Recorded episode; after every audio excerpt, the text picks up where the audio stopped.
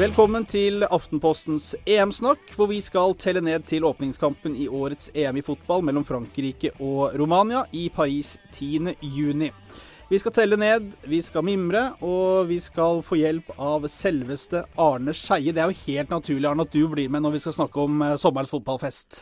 Ja, det er veldig morsomt å få være med og snakke fotball. Og nå gjelder det jo EM, da. EM-sluttspill i Frankrike. Hvordan er det med mesterskapsabstinensen etter en som har vært med i får vi si, nesten si alle år? Eh, gleder meg bestandig til fotball, og ikke minst det store mesterskap. 24 eh, lag. Eh, kanskje litt for mange klubber.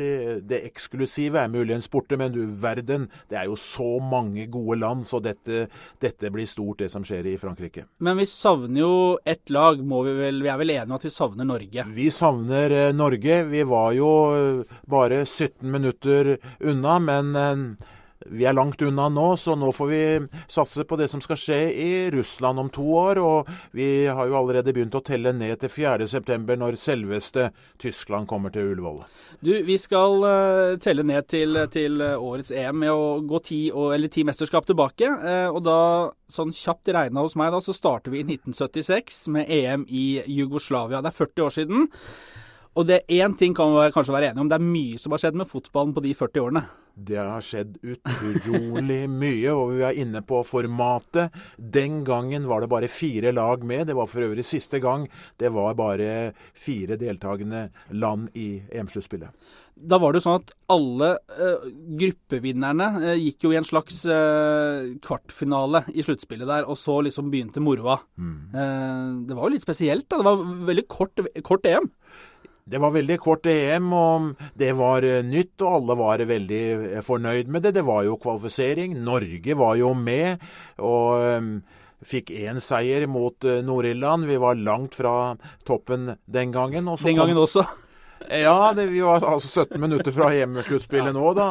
16 år siden vi var i vårt til nå eneste EM-sluttspill i Nederland og Belgia.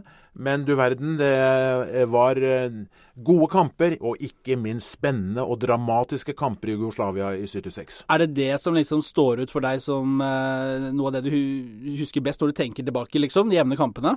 Det jeg først og fremst eh, husker når jeg ser tilbake til 76, er avgjørelsen i straffesparkkonkurransen da, da Tsjekkoslovakias Panenka skippet eh, ballen i mål. Det pluss at eh, Oli Hønes dro til og skøyt helt ja, langt, langt over på det avgjørende straffesparket for Tyskland. Ja, for Vest-Tyskland eh, de var vel på sett og vis favoritter til å vinne der. Tsjekkoslovakia vant likevel et, et, etter straffesparkkonkurransen, som du nevnte. Bernt Hølsenbein utligna for Vest-Tyskland rett før full tid. Og i den straffesparkkonkurransen som fulgte, så ble det født et begrep, nemlig å ta en Panenka. Det ble det. Han kom, jeg kaller det en Panenka eller en skip. Det var slik at ingen hadde sett det tidligere i store mesterskap. Og eh, han har jo blitt legendarisk pga. akkurat det. Eh, Panenka. Straffesparkkonkurranse. Alle kampene veldig dramatiske, jevne. Alle kampene gikk til ekstraomganger. Så det var fire jevne lag som gjorde opp om Europamesterskapet i 1976. I vår bransje så kaster vi jo rundt oss med ord som legende, at han er en legende og klubblegende. Men dette her er jo, må vi kunne si, er en, eh, blitt en legende, da? Det er blitt en eh, legende.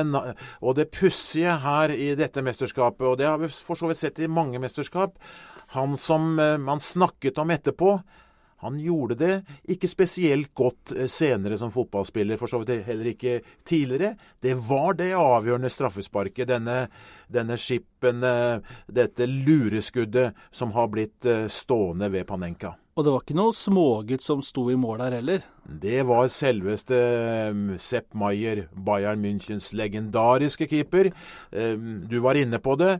Vest-Tyskland var jo favoritt. De var jo regjerende verdensmestere og skulle altså opp i et e europamesterskap, mer eller mindre med det samme laget. Siste mesterskapet til Frans Beckenbauer, og som du sa, keeperen Sepp Maier.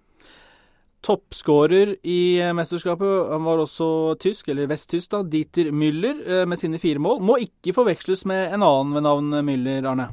Nei, han må ikke um forveksles med den store fra VM i 74, Gert Müller. Dieter Müller fra Köln. Han hadde jo også hat trick i den uh, første kampen da, som tyskerne spilte, og vant 4-2 mot, uh, mot, Jugoslavia. Så det var en sterk spiller. I hele tatt så har jo Tyskland en evne til å få fram stadig vekk nye, store fotballstjerner.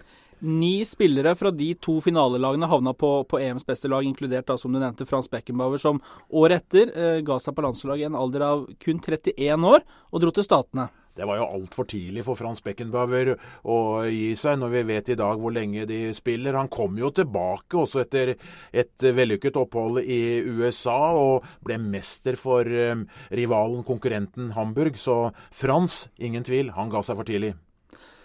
Det var uh, første episode i vår uh, EM-nedtelling. Uh, tusen takk til Arne Skeie, som vi skal få høre senere i vår serie også. hør gjerne neste episode, hvor vi skal ta for oss EM i 1980.